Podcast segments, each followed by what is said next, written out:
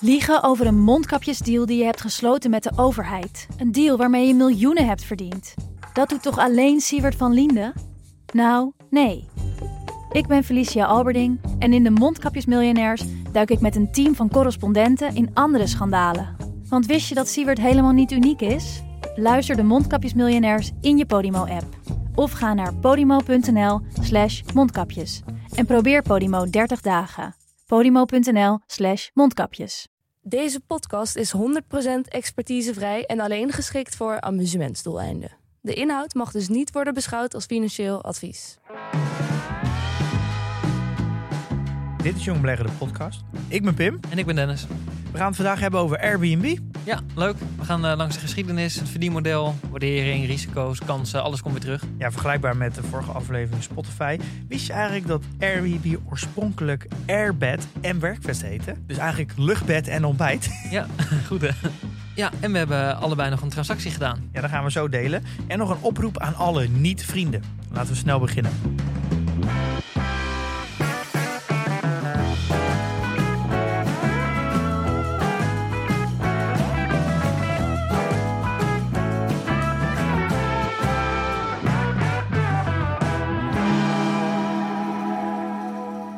Zo Dennis, we zijn er weer. Ja. Nou, vorige week een uh, volledige analyse over Spotify.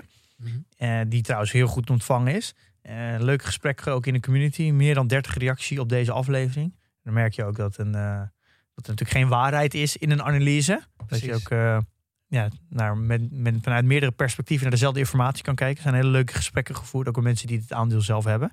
En dat is één ding die ik nog even moet rechtzetten. Ik ben er nog steeds over verbaasd. Maar Apple Music is dus ook op Android beschikbaar. Ja, uh, dus dat? we hadden natuurlijk gezegd dat uh, maar 25% van uh, de smartphone-markt en iPhone is. Waardoor Apple Music maar een beperkte doelgroep heeft. Maar het is ook beschikbaar op Android. Echt al heel lang. Al Ja. jaren. Ik, het verbaast mij dat ik dat nergens heb gelezen in geen enkele analyse. Maar we hebben een tip gekregen van een luisteraar. Ik kan helaas geen cijfers vinden wat het gebruik is. Dus uh, ik kan niet zo zien, goed zien wat het impact daarvan is. Uh, nou, dat hebben we in ieder geval rechtgezet. Nu gaan we naar uh, Airbnb. Ja. Om misschien te starten, heb jij een positie? Nee. Ik ook niet. nou, hebben we dat ook weer gedaan. nou, trap maar af, Dennis. Wat is Airbnb? Wat is Airbnb? Nou, als je, als je hem heel simpel maakt, het is een website of een app die ook in de Android Store staat. En dan kan je accommodaties boeken. En dan met name uh, huizen, bed and breakfast. Hè. De, een beetje de, de alternatieve markt uh, zit er veel op, zeg maar. Van, hè. Dus niet, niet de hotels. van wie zijn die huizen dan? Nou, vaak van particulieren. Nou, dus, dus een particulier plaatst een woning. En dan kan je dus als, ook weer als particulier een woning huren. Ja. En dat ja. is dan voor korte termijn, lange termijn? Nou, dat, is een beetje. Um, het, het, is natuurlijk oorspronkelijk voor uh, begonnen als een paar dagen. Hè? Dus uh, even kort ergens willen zijn. Gewoon een vakantieverblijf of een weekend weg of dat soort dingen. Maar je ziet heel erg de beweging dat het nu een, een soort van platform wordt om ja, te gaan wonen. Hè? Dus Meer long, longstay. Longstays, ja. ja. En, en, wanneer spreek je over longstay? Nou, vanaf um, Airbnb doet het in ieder geval in, in de categorie van langer dan een maand. splitsen ze uit en langer dan drie maanden. Uh, voor mij is, is, de categorie wonen wel een beetje langer dan drie maanden. Ja. Maar long stay zou je ook kunnen zeggen langer dan een maand. Het is wel een long stay. Dat, dan is het vaak niet meer een, uh, een gewone reguliere vakantie of een, uh, of een weekje weekendje. Ja, het is een Amerikaans bedrijf genoteerd aan de Nasdaq. Zijn in 2020 naar de beurs gegaan als het goed is. Ja. Dus ja, echt in de coronapandemie. En de grootste concurrent zijn denk ik Booking, Expedia en Vrbo of zo. Ja, zoiets. VRBO.com. Mm -hmm. um, dus misschien om even goed te leggen, hoe, uh, hoe verdient het bedrijf geld? Ja, want het is um, uh, ja, zogenaamde de two-sided marketplace, zeg maar. Hè. Het is, um, ze brengen geld in rekening voor de hosts, degene die uh, de accommodatie op het platform zet, en de gasten. Ze betalen allebei voor de dienstverlening eigenlijk van Airbnb. Dus ze verdienen aan twee kanten van de marktplaats? Ja. En om welke percentages gaat het dan? Ja, het meeste zit wel bij de gasten. Die, die betalen uh, 14% van um, het bedrag wat je boekt, zeg maar. Ja. En 3% uh, wordt doorgerekend aan de host. En dat is uh, op zich wel vrij fors. Ook als je kijkt hè, naar, um, mocht je er al een keer geboekt hebben, dan zie je ook, er staat gewoon een regeltje bij wat de service fee is aan Airbnb. Dat is best fors. Um, in ieder geval op het oog. Het is een best een relatief hoog percentage. eh, wat je eigenlijk niet aan de accommodatie betaalt, maar gewoon aan eh, de website zou je kunnen zeggen. Ja, wat is dat echt hoog? wat zijn een beetje, waar, waar, vergelijk je dat mee? Nou, als je bij Booking eh, eh, boekt, dan boek, dan boek je gewoon de prijs van het hotel. Ja. Bijvoorbeeld. Maar daar zit volgens mij het hotel betaalt ook wel tussen de 15 en de 25 procent. Denk ik. Ja, maar dat is verborgen. Dus kijk, Ja. het is natuurlijk, ze, ze bieden ook gewoon eh, de, de service en de, en de dienstverlening. Dus het is niet per se duur, maar op het oog, waar, waar je ook anders boekt, heb je niet die service fee in je, in je Nee. staan. Je kan ook zeggen, Airbnb is daardoor transparant. Ja, nee, absoluut. Want ik denk dat een, nou, je bijvoorbeeld App Store, Mhm. 30 procent. Ja. Ik denk dat eh, ook als je kleding eh, verkoopt, bijvoorbeeld een Salando, die koopt, verkoopt kleding, die zal ook denk ik wel snel zo'n eh, zo'n tussen de 15 en 30 procent op zitten. Denk ik. in, ja. Ja, dus het is op zich wel een, een, denk ik, een vrij schappelijke marge hoor. Wat normaal is als je een tussenpersoon bent. Ja. Ja, eens. Dus, Ja. En en om hoeveel, hoeveel omzet maken ze? Ze hebben in 2021 eh 6 miljard omzet eh, gedraaid. En dat is dan de fee die ze hebben geïnd. Als je kijkt naar eh, de waarde van de boekingen. De Gross Booking Value, GBV. eh, dat was 47 miljard.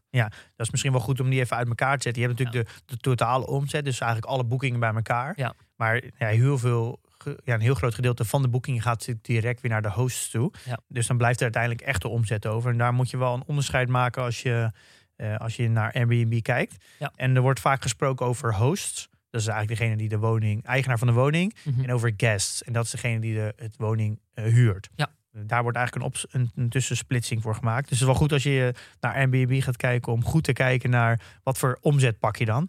En dat werkt eigenlijk een beetje hetzelfde ook bij Adyen. Die processen natuurlijk heel veel geld, maar, maar gedeelte is natuurlijk omzet van hunzelf. En het geldt eigenlijk ook voor Just Eat. Dat je Ja. de, de complete boekingwaarde kan kijken van de totale orders. Maar dat is natuurlijk niet allemaal omzet, want heel veel gaat naar het restaurant toe. Eh, dus daar moet je wel even een onderscheid in maken als je naar de omzet kijkt. Ja, en ook als je vervolgens naar de kosten die, die eraan gerelateerd zijn. En we, we hebben best wel lang zitten zoeken naar wat nou ook in die, die cost of revenue, wat er nou in zit. Dan lijkt er een heel hoog bedrag aan paymentkosten eh, in te zitten. Maar dat is als je het relateert aan de omzet. Alleen als je dat relateert aan welk percentage is dat van de totale, eh, de totale boekingen. Ja, Dan valt het wel mee. Dan, dan, hè, dan vallen de, eh, de we nou- percentages gewoon ja. logisch in elkaar. Ja. Dat is belangrijk. Hey, Pim, jij hebt eh, best goed gekeken naar de geschiedenis van eh, Airbnb. Kan je daar iets... eh, Ja, ik, ik ken Airbnb al een heel lange tijd. Voordat het eigenlijk al beursgenoteerd is. Was ook sowieso als, eh, als klant. Ik heb daar al in eh 2015, 16 wat geboekt. Het, is- het, het is een bedrijf dat komt uit eh, Silicon Valley. Eh, Amerika. En het heeft meegedaan aan Y Combinator. Dat is een, eh, een, een ja, soort van start-up incubator. En ja, Airbnb wordt eigenlijk heel vaak gebruikt als een beetje het verhaal hoe je een... een ja, het start-up verhaal eigenlijk. Eh het klassieke start-up verhaal van de American Dream ook wel een beetje. Het is gestart door drie, ja, drie, drie mensen. Brian Chesky, Joe Gabia en Nathan. Nou, die achternaam die kan ik even niet uitspreken. En Karchik? Ja, Zullen dat maken? Ja. En die zijn eh 13 jaar geleden begonnen met Air Bed and Breakfast. Dus dat is gewoon letterlijk, eh, het is Airbnb, Air Bed and Breakfast. Ja, dat wist ik ook helemaal niet. Maar dat vond ik wel grappig. En dat, dat klopt natuurlijk ook helemaal bij, dat, eh, bij het geschiedenis aan. Maar het is Airbed inderdaad. Ja, het is gewoon Airbed. Ja, en het, het, het idee is eigenlijk zo gegaan is dat ze, het zijn eigenlijk ja, zo twee studenten aan een, een designsuniversiteit. En die eh, moesten de huur betalen, en, want ze kregen een huurverhoging. Ja, en dat konden ze niet betalen. En toen was er een grote conferentie in, eh, in, hun, eh, in hun plaats. Toen hebben ze eigenlijk besloten om ja, een airbed, dus gewoon een luchtbed, te verhuren met eigenlijk een ontbijt erbij. omdat de hotels allemaal voor, vol zaten. En zo konden ze eigenlijk wat extra geld verdienen om hun huur te betalen. En dat is eigenlijk een beetje vergelijkbaar. De vergelijkbare producten waren toen meer couchsurfing en zo. Een beetje de Mhm, ja. producten waar je dus ook iemand in je huis kon laten slapen. Maar dat ging dan, ja, dat, daar kon je eigenlijk geen geld aan verdienen. Maar dat was meer om nieuwe mensen te ontmoeten. En, en zij hebben dit dan heel specifiek eh, aangeboden om, eh, om ja, de huur te kunnen betalen. Omdat ze een Mhm. huurverhoging kregen. En dat is eigenlijk een beetje in het begin van Airbnb. Nou, daar hebben ze een, eh, dat hebben ze een aantal keer gedaan. Maar dat, ja, dat, dat viel natuurlijk weg op het moment dat de conferentie weg was. En toen hebben ze eigenlijk later geprobeerd om, om volgens mij meer echt een soort van crowdsurfing product te starten. Waar je dus roommates kan eh, matchen. Mhm. Nou, dat is eigenlijk helemaal mislukt. En toen zijn ze toch uiteindelijk weer teruggevallen op dat Air Bed and Breakfast. En toen hebben ze dat geprobeerd bij andere conferenties. Eh, dus het is echt begonnen als, eh, ja, als letterlijk een airbed, luchtbed met een, eh, met een ontbijt. En ook een grappige marketing stunt om te vertellen is dat ze, omdat ze eigenlijk hun rekeningen moesten gaan betalen, ze hadden alle creditcards soort van ge, gemaxed out. Wat je dan zo ziet, dat je van Mhm. een honkbal eh, map met allemaal creditcards. Dat zie je heel vaak bij startups. eh vooral van, ja, ik denk 10, 15 jaar geleden. Nu is, is zoveel geld beschikbaar, is nu al anders. Omdat het designers zijn, hebben ze twee verpakkingen gemaakt van cereals. Dus hebben ze toen de tijd waren, was het Obama en McCain. Dus dat was dan Obama O's en eh, Captain McCain's. Dus dan hebben ze de allergoedkoopste cereal gekocht. Een eigen doos ontworpen. En daar dat erin gedaan. En volgens mij iets van 500 dozen verkocht. Voor 40 dollar per stuk. En zo hebben ze eh 30.000 dollar verdiend. En dan zo konden ze eigenlijk weer de rekeningen betalen. En dus ze hebben eigenlijk dat, wat je in start-up land heel erg hoort, die hassel. Dat je gewoon Mhm. eh, ja, constant maar jezelf in de lucht kan houden door gewoon, gewoon alles te verkopen wat los en vast zit. En dat heeft er eigenlijk voor gezorgd dat ze eh, Y Combinator inkwamen. En dat is wel een grappig verhaal. Is dat Paul Graham, dat is dan de founder van eh Y Combinator. En dat is een, een start-up incubator waar eigenlijk mensen met een, ja, vooral jonge mensen met een idee, zich kunnen aanmelden. En dan de tijd krijgen. Dan krijgen ze funding, ze krijgen ze geld en expertise om hun idee verder uit te werken. En zo te kijken of ze tractie krijgen. Dus eigenlijk een beetje de, de echte early stage van, van technologiebedrijven. Eh, want er zit natuurlijk, het nadeel van technologie is dat je eerst heel veel moet investeren voordat je er geld aan kan verdienen. Dat je het Ja. eerste product moet bouwen. En ze werden dus niet toegelaten. En toen eh, hadden ze dus het gesprek met eh, Paul Graham om er toegelaten te worden. En zeiden van nee, ja, je- nee, dat gaan we niet doen. Want ze werden eigenlijk, ja, wie gaat er nou in de andermans huis slapen op een luchtbed? Ja. Het idee is natuurlijk ook bizar. En nou, ze gingen dus de kamer uit. En toen liep hij toch later de kamer in om een van die Obama-O's cereal packs te geven. Mhm. En die ging terug en die, en die dacht, ja, wat is dit? En toen Mhm. hebben ze, heeft hij het verhaal verteld. En toen heeft hij uiteindelijk besloten om, wel, om ze wel toe te laten. Omdat met als verhaal, ja, als jij het voor elkaar krijgt om, om dit te verkopen, cereals te verkopen en mensen te overtuigen om op een luchtbed te slapen, dan heb je zo'n hassel. ja. Dan, dan kom je er wel. Mhm. Eh, dus toen uiteindelijk zijn ze wel toegelaten. En dat is eigenlijk een beetje de basis geweest van eh, Airbnb. Daar zijn ze.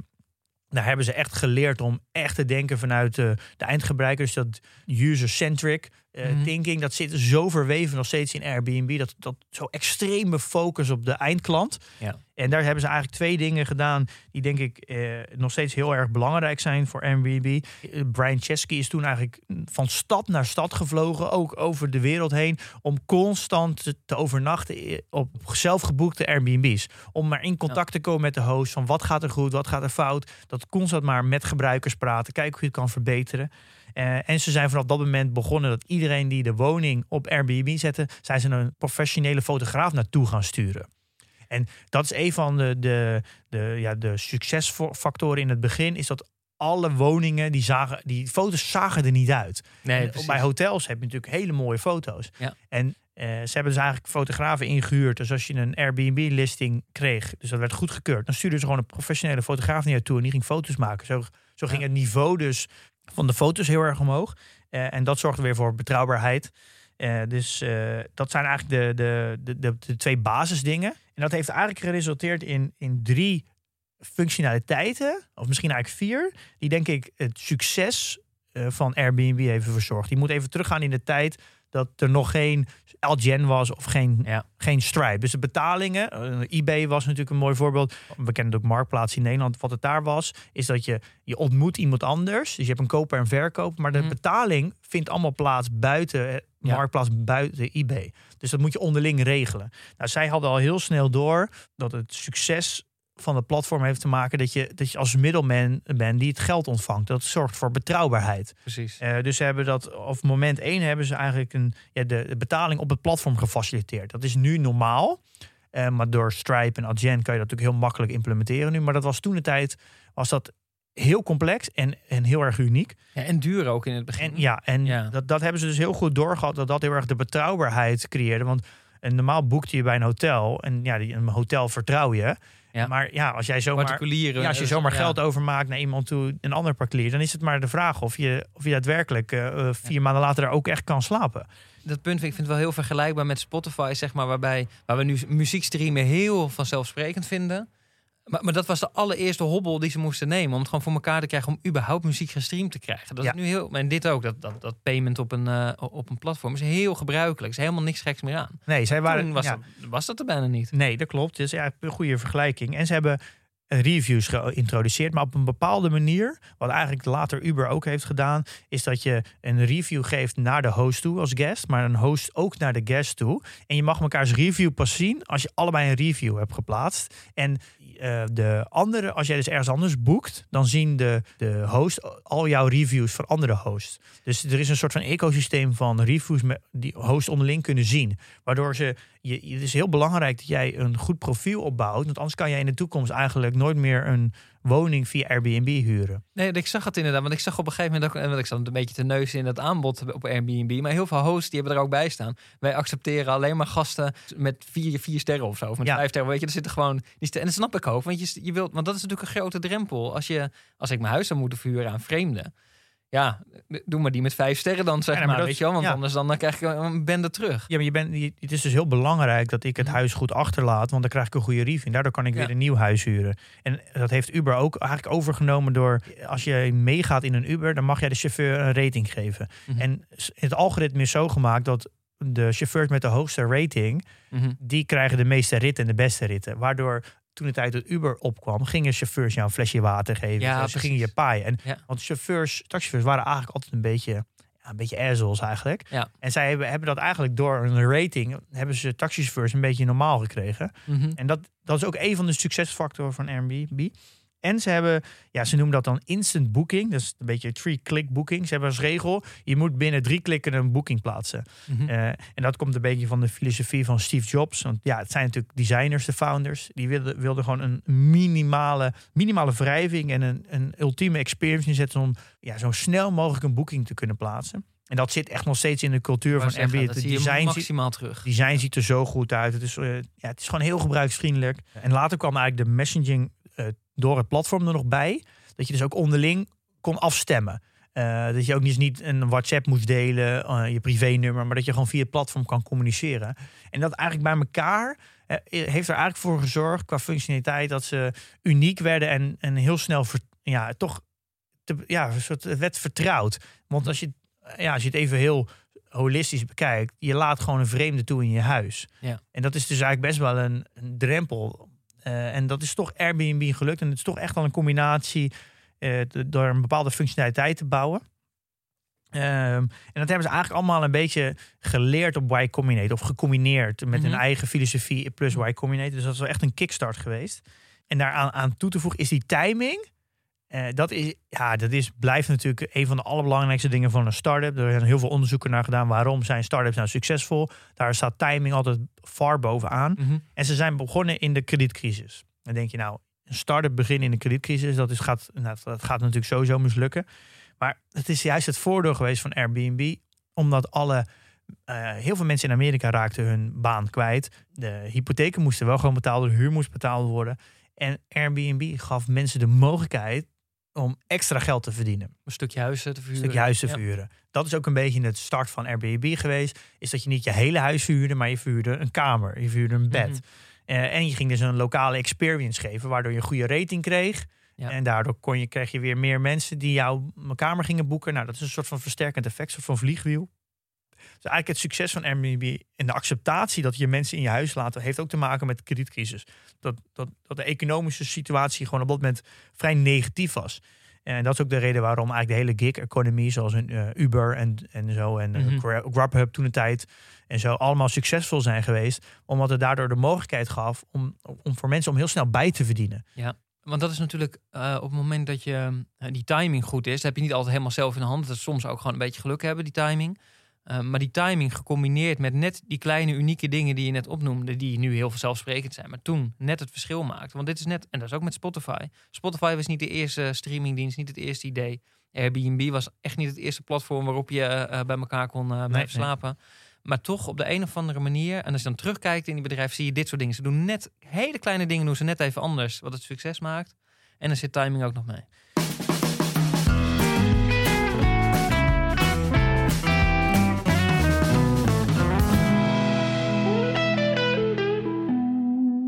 Kan je wat vertellen over het eh, verdienmodel? eh?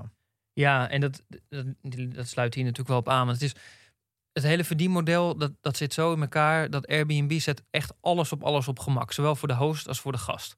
Al het innovatiegeld gaat daarin. Steeds het makkelijker maken in stapjes.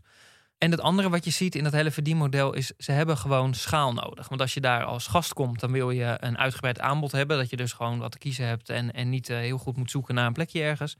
Ehm, en andersom hetzelfde. Hè. De host heeft gewoon een, grote aanwas. Anders ga je daar ga je natuurlijk niet je accommodatie neerzetten als, je, als er weinig traffic is. Dus die, schaal die is cruciaal. En die schaal die krijg je alleen maar door ehm, het, het, eh, je platform extreem gebruiksvriendelijk te maken. En dat is wat ze constant doen. En wat ze daar langzaam aan toe aan het voegen zijn, ehm, is ze bijvoorbeeld aircover, een soort, een soort van verzekering die een host krijgt. Ehm, eh, op, op het moment dat daar iets, iets, iets stuk gaat of, eh, of er moet iets echt zwaar schoongemaakt worden omdat iemand er een rommel van heeft gemaakt, dan is dat verzekerd. Dan dekt Airbnb dat als het ware. En dat is geen aanvullende dienst die ze aanbieden, dat zit er gewoon bij. Als je host bent daar, krijg je dat erbij. Ze hebben ehm, Ask a Superhost, eh, een soort programma geïntroduceerd. Dus als je een nieuwe host bent, kan je iemand die er al veel langer zit en het goed doet, ehm, die kan je om hulp vragen. Of kan je met Sparrow. Of, eh, en dat zijn, dat zijn allemaal kleine nieuwe ontwikkelingen die allemaal maken dat het voor een host veel fijner is om überhaupt te beginnen met host zijn, ehm, host te blijven en op Airbnb een host te zijn. Ehm, en dat, ja, dat is cruciaal, want er zijn ook andere platformen. Kan je ook gewoon je accommodatie opzetten. Maar dat is dus wel interessant. Kan je daar wat meer over uitleggen? Waarom focust Airbnb eigenlijk bijna al zijn resorts alleen maar op de host? Eh, Twee dingen, want er zit een extreme hoeveelheid hosts zijn er nog in potentie. Bedoel, er zijn meer mensen die, die helemaal niks beschikbaar stellen. Dus in potentie zitten daar extreem veel hosts in. Dat, want die wil je aantrekken. En het gaat ook iets doen voor eh, de kwaliteit van je aanbod. Want op het moment dat je veel meer hosts krijgt, gaat de prijs sowieso naar beneden. Dat is belangrijk, helemaal als, het, ehm, als ze longstays willen. Eh, dan, moet, dan moet er iets met die prijs gaan gebeuren. Want het is nu ehm, eh, voor de gemiddelde mens niet te doen om heel vaak eh, longstays in Nee. Airbnb's te doen. Eh, dat, er is echt een. En, en om ze te houden op het platform. Want je kan ook naar andere platforms. Het is niet dat Airbnb de enige is. Dus je moet elke keer net even dat beetje extra bieden om er te blijven eh, en niet eh, te vertrekken. Ik vond het wel interessant dat in de coronacrisis hebben ze natuurlijk... Ja, het, of eigenlijk het model is dat mensen betalen vooruit. Dus ze hebben het altijd een hele positieve Mhm. kaststroom. Ja. Eigenlijk de, de boekingen die financieren eigenlijk de groei. Waardoor Mhm. ze heel goedkoop kunnen groeien. Dat is natuurlijk vergeleken met Ja. software compleet de andere kant. Ja. Want op SaaS betaal je zeg even een één, ja, per maand. Mhm. Eh, maar je hebt, moet het hele product al gebouwd hebben. En bij. Airbnb is het een soort van omgekeerd. Dus het is een extreem, eh, ja, qua, vanuit kaststroom een heel interessant model. Ja, want de klant betaalt bij boeken. En, Ja. de, en de host die krijgt geld op het moment dat je incheckt. Ja, er zit een hele lange Ja. fase, fase tussen waar je natuurlijk Airbnb heel goedkoop geld kan, eh, kan creëren. Maar dat geeft in de coronacrisis natuurlijk een nadelig effect, want dan moet je in één keer al het geld terugbetalen. Precies. Ehm, en wat mij wel opviel is dat ze zijn een lening aangegaan volgens mij van 2 miljard om het tijdelijk te overbruggen. Ja. Maar ze hebben nog steeds een fonds opgericht, volgens mij 250 miljoen, om hosts te betalen. Om als hosts die het zwaar hebben, omdat die ervan leven, dat ze die Mhm. toch in de lucht kunnen houden. En dat geeft maar weer aan hoe, hoe zware focus op, op hosts hebben. En wat mij eigenlijk dus ook opvalt met de, door de, de analyse in Airbnb, dat is iets wat ik eigenlijk heb geleerd. Het hele succes van Airbnb is bepalen hoe de, eigenlijk de uniekheid van de hosts zijn. Ja. En dan komen we eigenlijk gelijk op het competitief voordeel. Is dat het, het unieke aanbod op Airbnb bepaalt uiteindelijk het succes van Airbnb op de lange termijn. Ja. En hoe meer er overlap is in, in eigenlijk listings, eh, die ook op een Expedia zitten of op een eh, Booking, eh, dan brokkelt eigenlijk het merk Airbnb af. Want op dit moment gaat 91% van de traffic gaat rechtstreeks naar Airbnb. Nou, dat is echt gigantisch. Vergeleken met een Booking die betaalt 11 miljard per jaar om mensen naar een website te krijgen. Nou, dat is echt eh, dat, ja, dat is een extreem groot voordeel voor Airbnb. Dus je kan wel zeggen dat, de, dat de, een van de modes is wel zeker brand.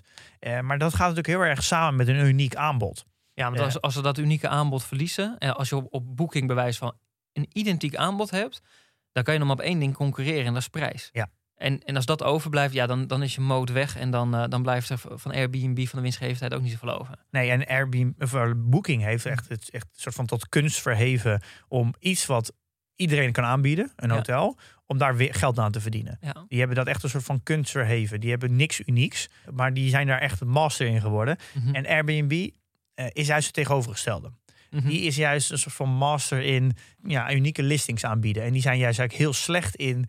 eh, Ja. totaal niet ingericht om iets aan te bieden wat je ergens anders ook kan krijgen. Mhm. Dus de vergelijking met Booking en Airbnb die klinkt heel logisch, maar ze zijn compleet anders. Qua verdienmodel is het, zit het extreem anders. Ja, maar ook qua fundament, hoe het fundamenteel bedrijf in elkaar zit. Ja. Hoe je eigenlijk Airbnb moet volgen, hoe goed het bedrijf gaat de komende tijd, moet je eigenlijk kijken naar hoe uniek is zijn de listings, hoe uniek zijn de dingen die ze aanbieden. Want als je iets unieks aanbiedt, ja, dan kan je het dus nergens anders krijgen, waardoor je dus in principe de prijs ook zelf kan bepalen. Eh, en dat zie je natuurlijk bij Netflix ook. Netflix kan zijn prijs ook verhogen omdat het aanbod uniek is. Je kan het nergens Ja. anders krijgen. Ehm, en dat is dus wel een, een hele interessante, wat jij net ook vertelde, waarom Airbnb zo'n extreme focus op host heeft. Om ze willen die, dat unieke aanbod houden. Ja. En dat bepaalt denk ik wel op lange termijn het succes van Airbnb. Ja, en wat ook wel, waar het ook heel erg uit blijkt, hè, toen ik die jaarrekening aan het doornemen was, de laatste van 2021, echt het woord wat by far het meeste voorkomt, is het woord host of host. Ehm, meer dan 500 keer. En dat is echt in een, in een jaarrekening, eh, dat is extreem. Het is meer dan eh, eh, het woord revenue of, of, of wat Ja. dan ook. Ehm, dit had ik dus van tevoren niet verwacht. ik ook niet. Nee, totaal niet. Nee, dus eigenlijk als je, als je Airbnb goed wil volgen en je wil zien hoe de, of het, het, ja, het bedrijf eigenlijk sterker wordt of juist het uh, competitief voor de afzwakt, moet je eigenlijk kijken naar, de, naar het aantal hosts en, en daar gecombineerd hoe uniek uh, zijn ze. Dus zijn het, ze hebben ze een soort van ja, een, een, alleen recht op de host. Ja. Uh, en nu snap je ook veel beter waarom eigenlijk alle R&D alleen maar naar die host gaat. Ja, en wat ook, en, en als ze dat koppelt aan, aan het feit dat ze ook nog willen dat, um, dat het een soort van woonaanbod wordt. Hè? Dus dat je gewoon langer, al die longstays. Uh, een van die, die kernpunten was ook live anywhere on Airbnb. Uh, dus dat je gewoon overal, ook als je aan het werk bent, maar dan gewoon uh, plaatsonafhankelijk, dat je in een Airbnb verblijft. Um, lekker in een zonnetje of zo. En dat, dat hele punt, dat, ze die kant op willen met die longstays. Je ziet nu al dat iets van 175.000 van de boekingen drie maanden of langer is. Maar op het moment dat ze dat kunnen oprekken en dat het echt een dat mensen dus echt gaan begrijpen van hé, hey, bij Airbnb kan ik wonen. Die hele markt is nu vergeven, vaak lokaal, bij makelaars die particuliere ja. huizen verhuren tegen hele hoge kosten. Daar gaan ze een enorme moot hebben, in ieder geval in de eerste jaren. Op het moment dat uh, de massa doorkrijgt, dat is eigenlijk gewoon het loket waar ik uh, uh, mijn woning kan gaan huren. Ja. Daar ligt echt nog heel veel voor. Ja, ik denk als de trend dat remote work steeds populairder wordt. Ja. Dat mensen zeggen, oké, okay, ik ga nu drie maanden in uh, Spanje werken, omdat het dan goed weer is. Dan kan je eigenlijk niet bij een lokale makelaar voor drie maanden is dan echt niet ideaal. Precies. Dan zou Airbnb natuurlijk fantastisch zijn dat je, dat je dus drie maanden of uh, vier, vijf maanden kan huren. Dus het is eigenlijk alles wat, geen, ja, wat een einddatum heeft qua huur. Precies. Uh, daar zit denk ik de grens. Ja, dat is natuurlijk een hele, een hele grote markt. Ja, en normaal doen hosts die dat nu gewoon uh, voor langere tijd vuren. Die doen dat natuurlijk niet voor drie maanden of vijf maanden. Want dan blijf je elke keer zoeken naar nieuw, nieuw aanbod. Ja. En dan moet die makelaar moet je op pad sturen. Maar bij Airbnb zitten zoveel gasten. Je krijgt daar altijd wel je plek. Of altijd, nou ja, doorgaans als je een goede accommodatie hebt, krijg je je plek wel vol. Dat is dus wel goed dat je nou even die soort van die term eigenlijk uh, uh, nu uitspreekt. Wat mij wel opvalt, en dat ben ik eigenlijk wel een beetje, misschien wel een beetje van geschrokken, is dat ze in, door de jaren heen zoveel geprobeerd hebben. Ze hebben. Airbnb Luxury, ze hebben hotels gebouwd, geprobeerd. Ze hebben experiences in de vorm van trips opgezet. Ze hebben uh, dining opgezet, boeken van vliegtickets. Uh, custom design van tiny homes hebben ze gemaakt. Ze hebben superhost gedaan. Een eigen magazine ontwikkeld. Ze hebben uh, offline experience, ook nog een online experience. Ze hebben zoveel geïnnoveerd, zoveel dingen gedaan. Maar eigenlijk is het allemaal mislukt. Ja. Dus het allemaal is het, hij heeft het, draagt het niks substantieels bij aan de omzet. En je kan daar twee dingen van vinden. Je kan zeggen, ja, ze zijn dus onwijs innovatief. Ze proberen heel veel. Maar je kan ook zeggen, niks is gelukt. Ja. Eigenlijk alle innovatie aan de core die is dus succesvol geweest. Alle dingen die ik in, net had verteld met inst, ja. Instant Book en de payments. Maar, en alle, het faciliteren van hosts, daar zijn ze heel goed in. Maar dat is allemaal een versterking van de core. Maar het is dus niet gelukt om echt een compleet nieuwe term uit te breiden. Een compleet, ja, het is allemaal gewoon het verhuren van woningen. Of het nou longstay of shortstay ja. is. En dat, daar kan je eigenlijk twee dingen van vinden. Eén vind ik, ja, dat is als ze dat dus al in 13 jaar tijd niet gelukt is. De kans dat ze dus een nieuwe omzetvorm aanboren, is dus ook daardoor kleiner. Want het is er dus in het verleden helemaal niet gelukt. Dus waarom zou het dan in de toekomst wel lukken? Aan de andere kant, ja, ze zijn wel heel erg innovatief, dus ze blijven wel proberen. En ook een beetje ook naar vorige week met Spotify.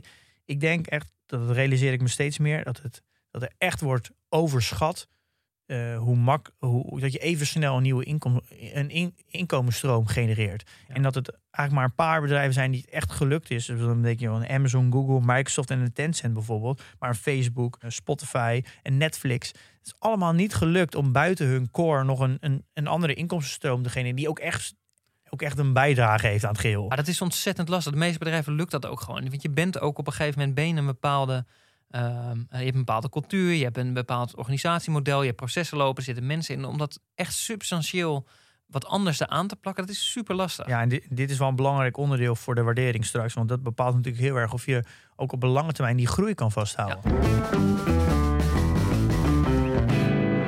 Misschien moeten we nog even naar de, naar de management toe, de cultuur. Die wordt eigenlijk over het algemeen heel positief gezien. Nou, de drie founders zijn nog actief. Op uh, Glassdoor uh, heeft Brian Chesky en 4,3 van de 5. Dat is eigenlijk best, best goed. Ze hebben tot bij elkaar 30% van de aandelen. Bijna 30%, 29, nog wat. Drie uh, founders.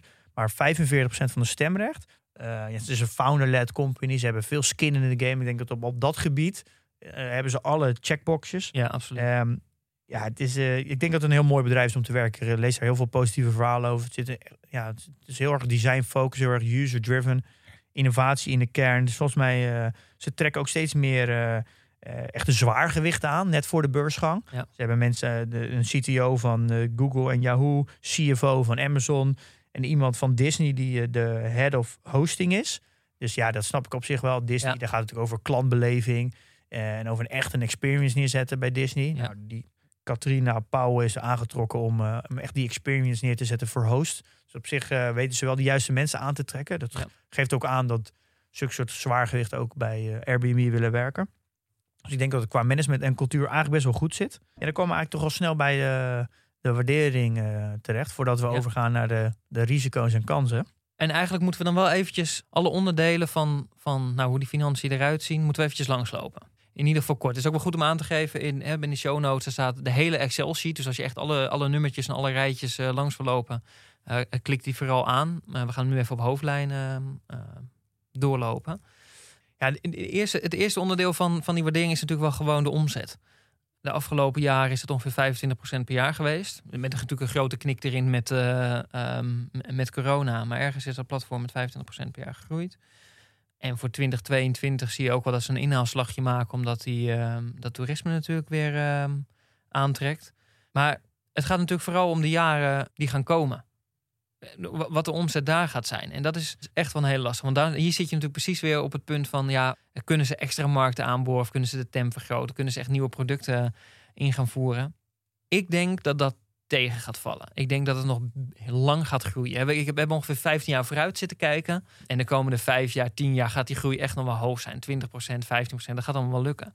Maar daarna, ik, had bijvoorbeeld, eh, als je kijkt naar wat de, hele industrie doet, toerisme, is 1600 miljard. En eh, je ziet dat Airbnb met een groei van 20%, wat een beetje afzwakt naar 15%, die zit in 2030, hebben ze al een eh, gross booking value van 300 miljard.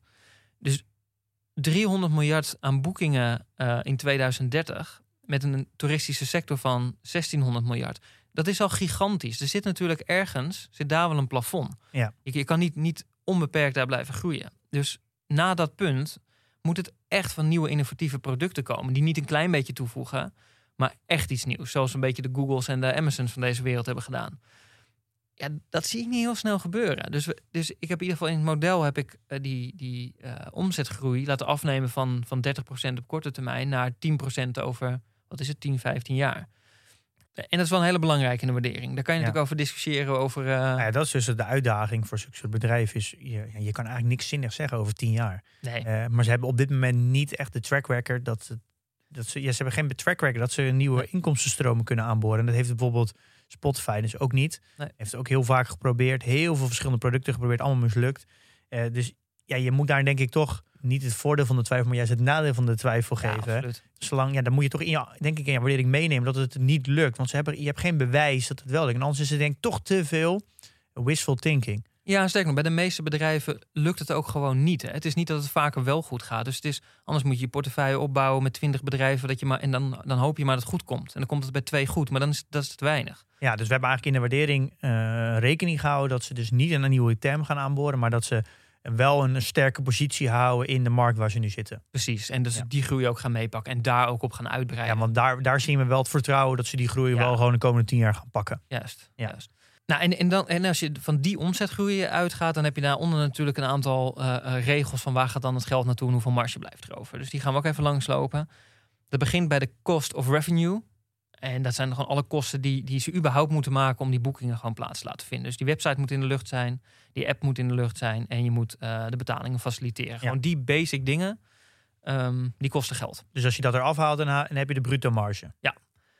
En je ziet eh, op dit moment is dat 19% 19% van. ehm, Dus dat eh, betekent een bruto marge van 81% Ja. Dat is, dat is hoog. ja, Dat is absoluut. Goed, goed Ja. interessant. Ehm, en je ziet dat het, een heel groot deel van die kosten, dat zijn de paymentkosten. Eh en payment, en dan hangt ook de chargebacks hangen daaraan.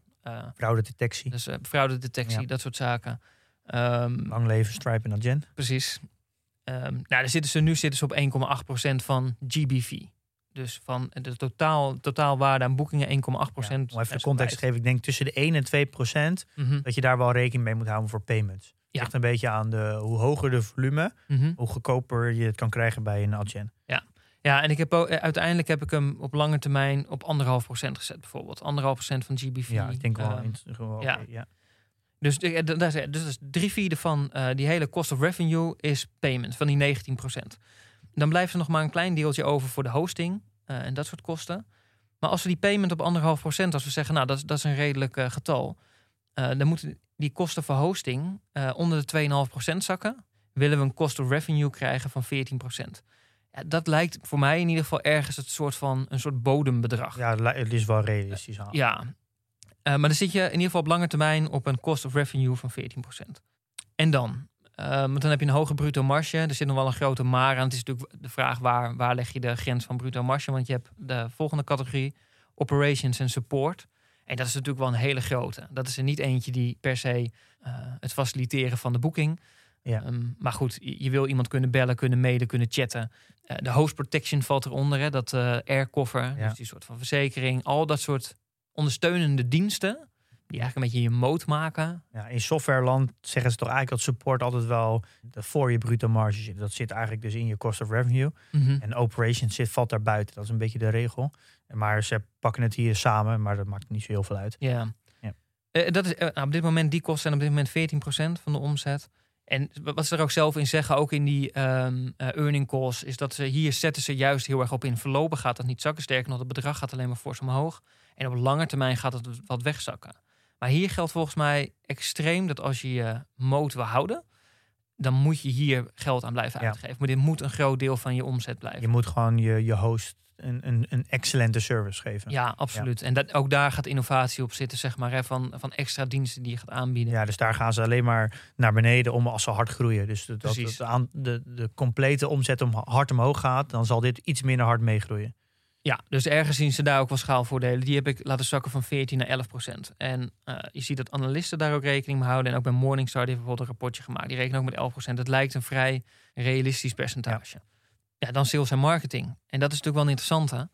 Dat is nu nog vrij hoog. Even kijken. 20 procent. 20% ongeveer.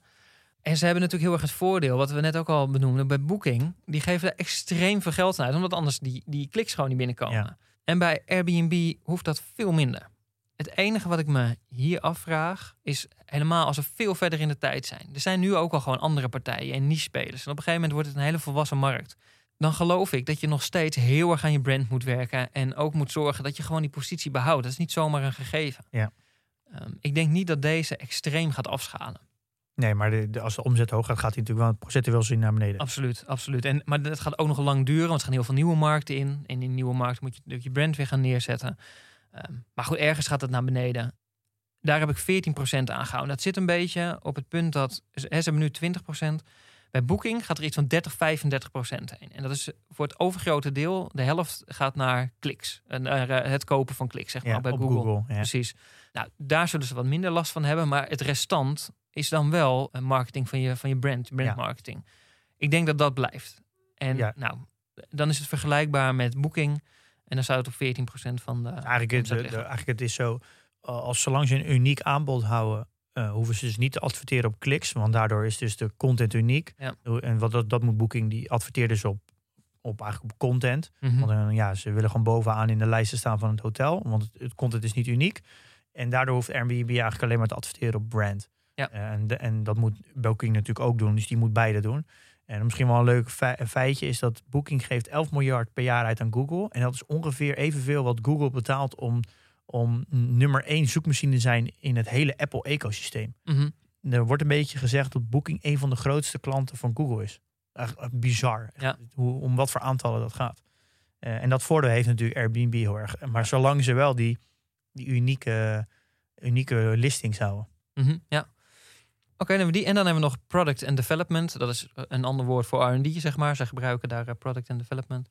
Ja, en daar, die ligt nu vrij hoog. Die ligt op, op, op boven de 20% Ik geloof 23 de afgelopen jaar. En dat is ook logisch. Maar die gaat natuurlijk sowieso afschalen.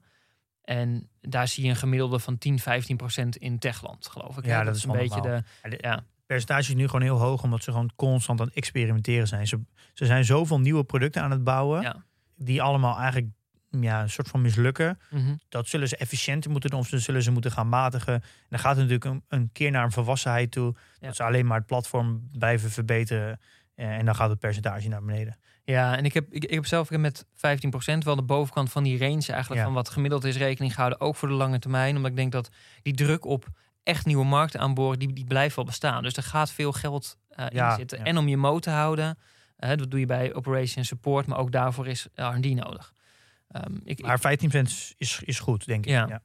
ja, en dan hebben we natuurlijk het sluitstuk general eh, en administration. Ehm, wat je daar ziet, efficiënte bedrijven redden daar meestal wel 5%. En je ziet ehm, eh, op een beetje de, de middencategorie bedrijven, middelgrote, daar is het nou, soms iets lastiger, daar zie je eh 10%. Maar op dit moment is dat 14%. Dat gaat natuurlijk bij Airbnb. Dat gaat natuurlijk gegarandeerd zakken. Dat zeggen ze zelf ook in die earning calls. Maar ergens eh, ver onder die 10%, dat geloof ik niet. Ik geloof ook wel dat ze groot worden en dit efficiënt gaan doen. Maar Airbnb blijft ook heel erg leunen op afdelingen als legal, zeg maar. Hè? Hoe het juridisch zit in allemaal Ja. verschillende landen. Er zit heel veel eh, financiële, administratieve eh, management romslomp omheen. Ja, elke land elke, of elke stad kan weer zijn eigen regels hebben. Ja. Zit je dan mee wereldwijd met, Precies. met een, een legal afdeling. Ja, en je ziet bij grote industrials ook, die zitten, die zitten vaak ook wel op 10%. En bijvoorbeeld Ahold, dat zit wel op 5%. Maar ja, goed, dat heeft een omzet van, eh, van richting de 100 miljard. Dat is een andere orde grootte, zeg maar. Ehm, in ieder geval 8, 9 procent. Ja. Een beetje in die bandbreedte daar ehm, eh, op lange termijn houden we rekening mee. Nou, nogmaals, wil je precies weten welk percentage, welk bedrag Ja. is het dan? Hoe ziet dat er gewoon in Excel uit? Klik dan vooral even in de show notes ehm, eh, op de sheets. Maar met deze aannames, Ja. als we die gewoon in het, eh, in het DCF-model invullen voor 15 jaar, ehm, dan kom ik op een fair value van 144 eh, dollar. En de huidige koers is een moment van eh, opname rond de 160. Ja. Dus dan is overgewaardeerd. Dat is overgewaardeerd, ja. En dat is zonder margin of safety. Ja. En, Ja. en heb je dit dan, is hij heel conservatief gedaan of juist heel ruim? Hoe, hoe- of gewoon normaal? Nou, hoe, hoe kijk je daarnaar? Ik, ik, ben, ik ben niet conservatief geweest in dit hele verhaal. Zeg maar. Ook als ik kijk naar gewoon wat is het lange termijn de EBIT-marge, dus de earnings voordat je eh, je interest betaalt en je belastingen. eh, die staat over 10 jaar op 37% Dat is ontzettend hoog. Ehm, en vergelijkingen Microsoft en eh, Meta, die zitten natuurlijk ook ontzettend hoog. Die zitten op die 40% ongeveer. Dus het is een beetje in die range.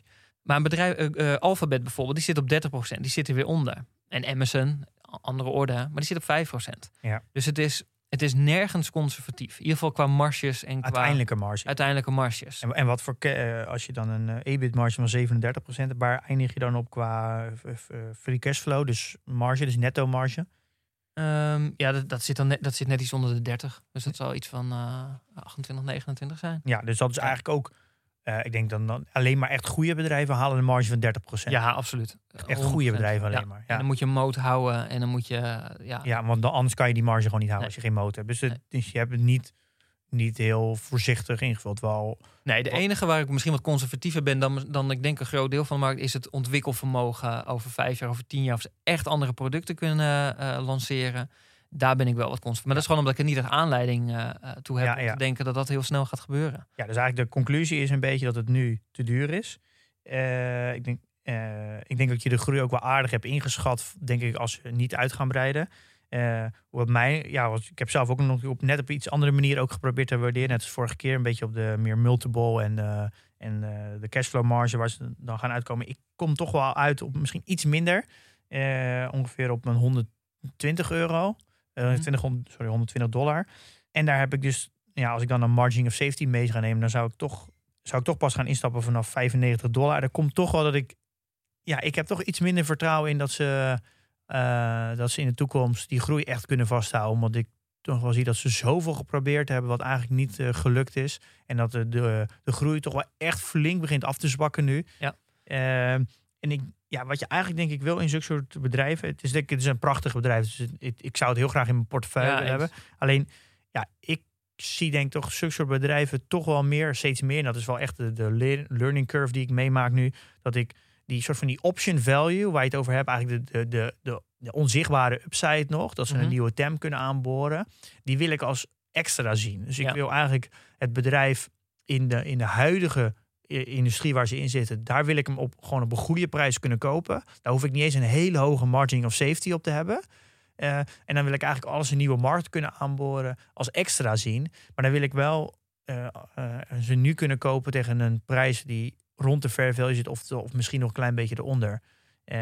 En de- ja, dat zijn ze nu niet. Nee, eens. En ik heb bijvoorbeeld ook, ik, heb in, in het model ook, en bij mij groeien ze door tot een omzet van 60 miljard. Maar stel nou dat, dat, dat 60 miljard gewoon te hoog gegrepen is. Dat die markt dat ze dat gewoon niet, niet zoveel body kunnen geven.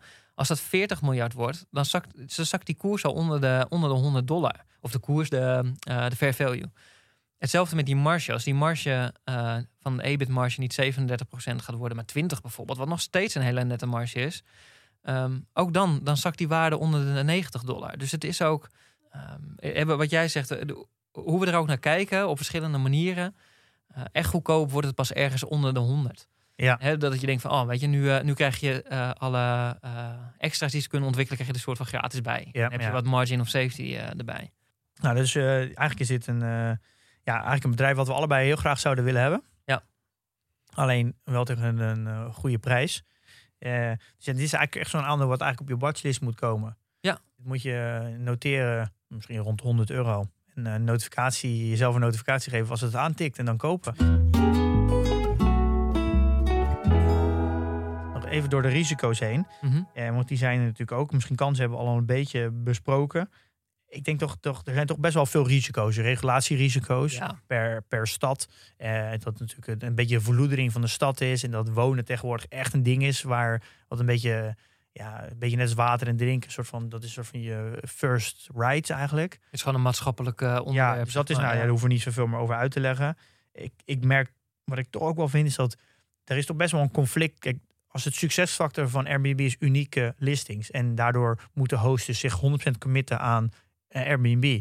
Dan zit je toch wel in een spagaat met misschien de host zelf. Als, Mhm. als je hier 100% of als je een groot gedeelte van leeft van je inkomen van de verhuur. Dus je hebt dat echt nodig om te leven. Dan wil je ook je risico spreiden. Dus je, je hebt er belang bij om actief te zijn op meerdere platformen. Want als Airbnb een keer de regels wijzigt of, eh, of ze, ze gooien je fee omhoog of wat dan ook, dan wil je eh, een sterkere positie hebben. Dat je ook kan zeggen, ja, dan doe ik gewoon minder Airbnb. Ja. Eh, dus je wil, je, niet, je wil niet 100% afhankelijk zijn van Airbnb. En dat creëert eigenlijk automatisch ook weer, dat verlaagt de mode, de competitieve voordeel Mhm. van Airbnb. Omdat mensen ook op Booking willen en Expedia om hun... eh, eh, dus is, dat conflict gaat constant spelen. Daarnaast komen er steeds meer tools eh, die het aanbieden om, jou, om jouw woning op heel veel platformen gelijk weg te zetten. Ja. Zo van die eh, property management software. En die manage dan ook je boekingen zo. Want daar zit de complexiteit natuurlijk. Dat je al die eh, boekingen los moet beheren. En als je een dubbele boeking kan krijgen. Nou, zo'n software beheert dat. Dat je geen dubbele boeking krijgt. Dat alle berichten in één plek terechtkomen. Dus er, er, wordt ook een hele, er komt een hele industrie omheen. Ja. Die dat voor juist voor hosts makkelijker maken om, om meerdere platformen te staan. En dat zorgt juist weer voor het afbrokkelen van het competitief voordeel. Ja. Dan heb je natuurlijk ook nog eh, de, de, ja, dat er steeds meer niche producten komen. Zoals Natuurhuisje, er komen camperwebsites, er komen luxe campingwebsites en botenwebsites. allemaal die, die unieke plekken waar je kan verblijven, waar eigenlijk Airbnb onbekend staat, langzaam afbrokkelen. En bijvoorbeeld zo'n natuurhuis heeft een filter, een duurzaamheidsfilter, waar je kan zeggen: ik wil groente uit eigen tuin. Dan huur je een huisje en dan kan je ook groente uit de tuin eten. Of dan kan je bijvoorbeeld een uh, filter op, wordt afval gescheiden. En zulke soort hele specifieke ja, functionaliteiten, die biedt Airbnb niet, waardoor uh, waardoor het echt een voordeel eh, is om, in een, om op een niche website te boeken. Ja. Dus, en daardoor brokkelt het aanbod ook weer af, waardoor de listing weer niet uniek wordt. Je merkt toch wel het grote nadeel van, of de, de risico's zitten echt in het afbrokkelen van die unieke listings. Um, heb jij nog andere risico's die je, je eraan kan toevoegen? Nou, het is, het, is een beetje, uh, daar waar de kans zit, is natuurlijk uh, dat hele remote work. Alleen het risico daarvan is wel zij brengen het als straks gaat de hele wereld remote werken en gaat overal nergens wonen. Ik denk dat dat wel meevalt. Ik denk dat de meeste mensen het nog steeds heel fijn vinden om gewoon een vast huis te hebben en een vaste omgeving. Ja, dat is, kinderen, die eh, kan niet anders. Nee, dat is de basic. Dus ik geloof best wel of dat mensen dat tijdelijk doen. En, en, en dat er een aantal mensen zijn die dat een hele fijne manier van leven vinden. Alleen eh, het risico is een beetje dat, dat mensen uit de Airbnb-bubbel of zo zwaar investeren op allerlei toekomstplannen waar de wereld misschien toch nog een beetje erachteraan blijft hobbelen. Ja, en dat een beetje in het verlengde van ze hebben al heel veel geïnvesteerd in soort van de mislukte projecten. Nu zien ze weer helemaal dat remote work uh, als, als het uh, soort van ook oude een Airbnb for Work opgezet. Ook weer een nieuw project. Ja. Waar ze dit mee, uh, dat ze eigenlijk met bedrijven gewoon contracten kunnen afsluiten, waardoor ze denk ik een, zeg een wat ik van Salesforce, die, die heeft een deal met Airbnb en die kan dan alle personeel wat remote werkt, krijgt dan bijvoorbeeld, denk ik, credits om Airbnb's te boeken om toch uh, tijdelijk op een, in een stad te gaan zitten met meerdere collega's of zo, ja. waar ter wereld. Soort uh, klinkt wel echt heel interessant. Mm -hmm. Het is een beetje vergelijkbaar met eigenlijk de, de Just Eat pas waar bedrijven een personeel kunnen geven. Die kunnen dan overal lunchen. Dus niet Ja. meer gezamenlijke kantine. Is niet meer een gezamenlijk kantoor. Maar de Airbnb biedt eigenlijk de mogelijkheid om aan het personeel dat je gewoon overal kan werken en ook eh, collega's toch fysiek kan ontmoeten, maar dan overal ter wereld dat je een plek afspreekt. Dus het, daar zit echt wel een leuke gedachte achter. Ik denk dat van alle projecten die ze doen, dat dit misschien nog de grote kans van slagen heeft. Ja, en het, en het risico, en dat is voor mij het grootste risico, en ook het terechte, is dat gewoon de maatschappelijke druk kan komen op allerlei investeerders die voor veel geld hun Airbnb's aan het verhuren zijn. Ja, dat, dat is voor de woningmarkt gewoon eh, echt, echt geen uitkomst, zeg maar. Dat is, eh, daar gaan een heleboel mensen heel veel last van krijgen. Ja.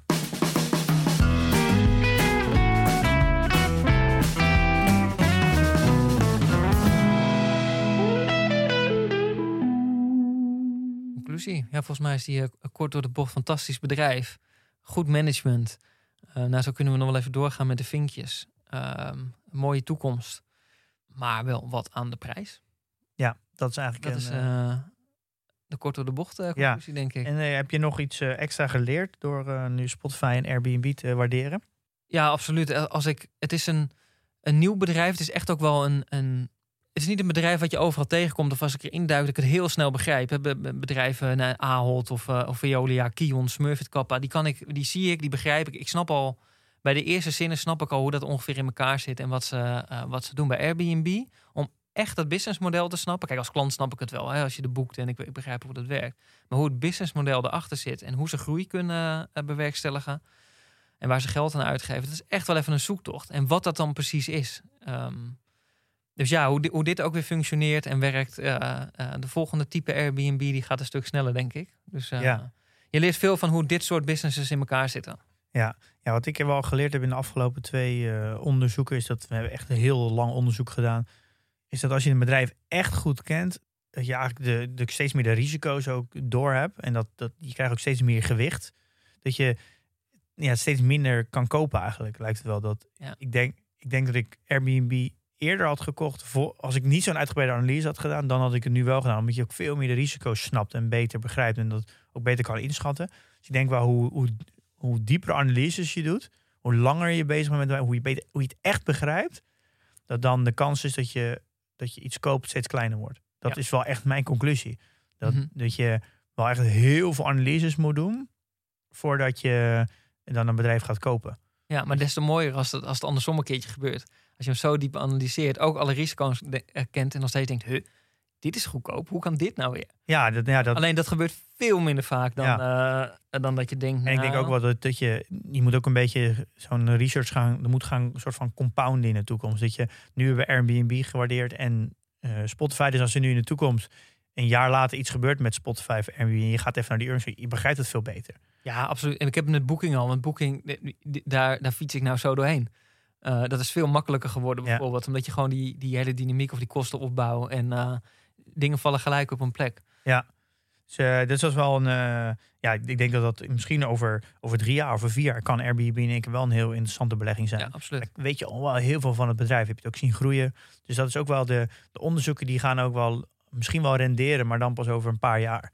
Dus, Ja. eh, dus je moet denk ik toch als belegger toch wel vaak voor lief nemen dat je gewoon heel veel onderzoek doet waar je eigenlijk die dan eigenlijk niet zo in de prullenbak gooit, maar eigenlijk op dat moment gewoon niks mee kan. Nee, en er zijn ook heel veel bedrijven, die, die heb ik vijf jaar of acht jaar geleden eh, geanalyseerd en volg ik nog steeds een beetje. En die heb ik vorig jaar pas voor het eerst in mijn portefeuille opgenomen. Toen pas of de koers goed was, of je zag net iets in de business veranderen, die, Ja. die waardering. Weet je, soms is dat ook gewoon geduld hebben. geduld. Ja. En we hebben eigenlijk weer alle bronnen die we hebben gebruikt op de website gezet. Met uitgebreide show notes. Hetzelfde als bij Spotify. Dat zijn, dat is iets, misschien iets meer gestructureerd dan dit gesprek.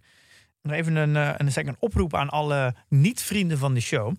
Ehm, ongeveer, denk ik, een tiende is vriend van de show. Of heeft een account bij, eh, direct bij PDT. Het is eigenlijk een oproep aan de 9 van de 10 mensen die luisteren. Ehm, dus voel je maar aangesproken als je dit nu hoort. Ik ben eigenlijk heel erg benieuwd. Niet zozeer dat, je, dat ik je heel graag eh, naar binnen wil trekken. Maar wij willen heel graag het product verbeteren. Zowel de podcast als de community en eh, PDT, de Portfolio Dividend Tracker. Dus ik heb een, een klein ja, feedback tooltje opgezet van Google Form. Waar je in een 30 seconden eh, twee vragen kan beantwoorden. Waar je ook een meer keuzevraag hebt. Ik ben heel erg benieuwd. Wat is de reden waarom je nog geen vriend van de show bent? Eh, en er zijn meerdere opties die je heel makkelijk kan aanvinken. En je zou mij en eh, de rest van de die daarbij betrokken zijn extreem helpen om wat feedback achter te laten waarom je geen vriend van de show bent. Eh, en dan kunnen wij het eh, product verbeteren. Dus een stukje onderzoek even voor mij om, eh, om het product te kunnen verbeteren. Het zou heel fijn zijn als je even naar de website gaat. Eh linkje staat in de show notes om even het formuliertje in te vullen. Duurt 30 seconden zou je ons enorm mee helpen om alles te kunnen verbeteren. Portfolio update. Heb jij nog transacties gedaan deze week? Ik heb uh, Ahold verkocht. En volgens mij uh, hebben we dat uh, op dezelfde dag gedaan. Ja, ik heb ook Ahold Ja, ik, ik, heb de jou inderdaad. Van, ik heb Ahold uh, verkocht. want hey, inderdaad, dat, dat, dat is dat een tijdje geleden. Zat het al in ieder geval op mijn fair value. Toen heb ik een deel verkocht. Maar niet, niet, niet het was een klein deel. 20% heb ik eraf gehaald, geloof ik. En nu zat het weer tegen fair value. En toen dacht ik, nou weet je, ik moet het nu ook gewoon wegdoen. Dat had ik eigenlijk al eerder moeten doen. Dat heb ik gedaan. Is nog steeds een fantastisch bedrijf. Goed geleid. Hij heeft ook een fantastische toekomst. Maar het is gewoon niet zo goedkoop meer. Ja. Heb je nog wat uh, met het geld gedaan? Wat vrijgekomen is? Ja, ik heb het in twee bestaande holdings gedaan. Ik heb een stukje uh, BMW bijgekocht. En ik heb Zalando bijgekocht. Ja. Je portfolio zit ook een linkje op de, in de show notes. Ja. Ik heb niet, nog niks mee gedaan met het geld. Maar ik heb inderdaad wel Ahold gekocht voor uh, 30,35 euro. Ik had eigenlijk dezelfde gedachte. Het is met de fair value zat iets, iets over de 30 heen. En ging al een paar keer richting de 30. En toen zakte het weer flink. Toen dacht ik, ja, nu ben ik er klaar mee. Ik, ga nu met ik heb nu discipline. Als het fair value aan tikt, verkoop ik het. En het tikte de 30 aan, toen heb ik het verkocht. En volgens mij hadden we allebei dezelfde gedachte. ja. Het is nog ja, prima bedrijf nog. Ik snap ook heel veel. Het kan nog zo prima nog even doorstijgen in deze tijd. Omdat het natuurlijk een defensief aandeel is. En uh, dit is natuurlijk ja, wel een markt waar nu iedereen naar richting defensief gaat. Ik heb nog geen een nieuwe, nieuwe positie in gedachten. Ik moet wel wat nieuwe posities gaan uitbreiden, ook in de value categorie. Maar ik wil niks, uh, nog niks concreet. Ik heb uiteindelijk uh, bijna 4, 34% winst op uh, inclusief dividend en kosten op dit aandeel in, in twee jaar tijd. Ik heb in maart 2020 dit aandeel gekocht, dus daar ben ik eigenlijk best tevreden mee. Als ik weer een nieuwe positie heb, dan, dan deel ik dat zeker. Volgende week komt de AFM langs.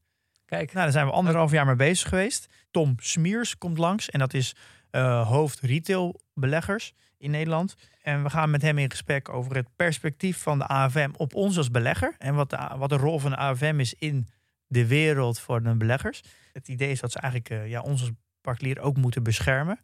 En ja, ik ben daar heel blij mee dat ze langskomen. Het is toch een beetje toch wel zo'n uh, stempel of approval dat, dat ze bij ons langskomen. Ze doen normaal nooit media optredens. Eh, dus dat ze bij ons in de podcast komen, vind ik eigenlijk een, soort van bewijs dat wij dus eh, eh, ja, goede content maken, dat ze waarderen.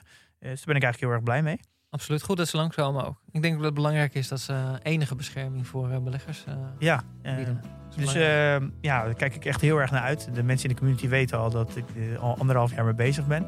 Eh, en elke keer werd, er- werd er afgezegd, dus ik ben heel blij dat ze nu komen. Eh, nou ja, volgende week is Milou er weer. En dan, eh, Dennis, eh, bedankt voor, eh, voor deze twee afleveringen. We gaan je vast wel nog een keer horen. was wel heel graag gedaan. Ehm, en dan eh, ja, rest ons eigenlijk nog één ding. Investeer in je kennis. En beleg met beleid.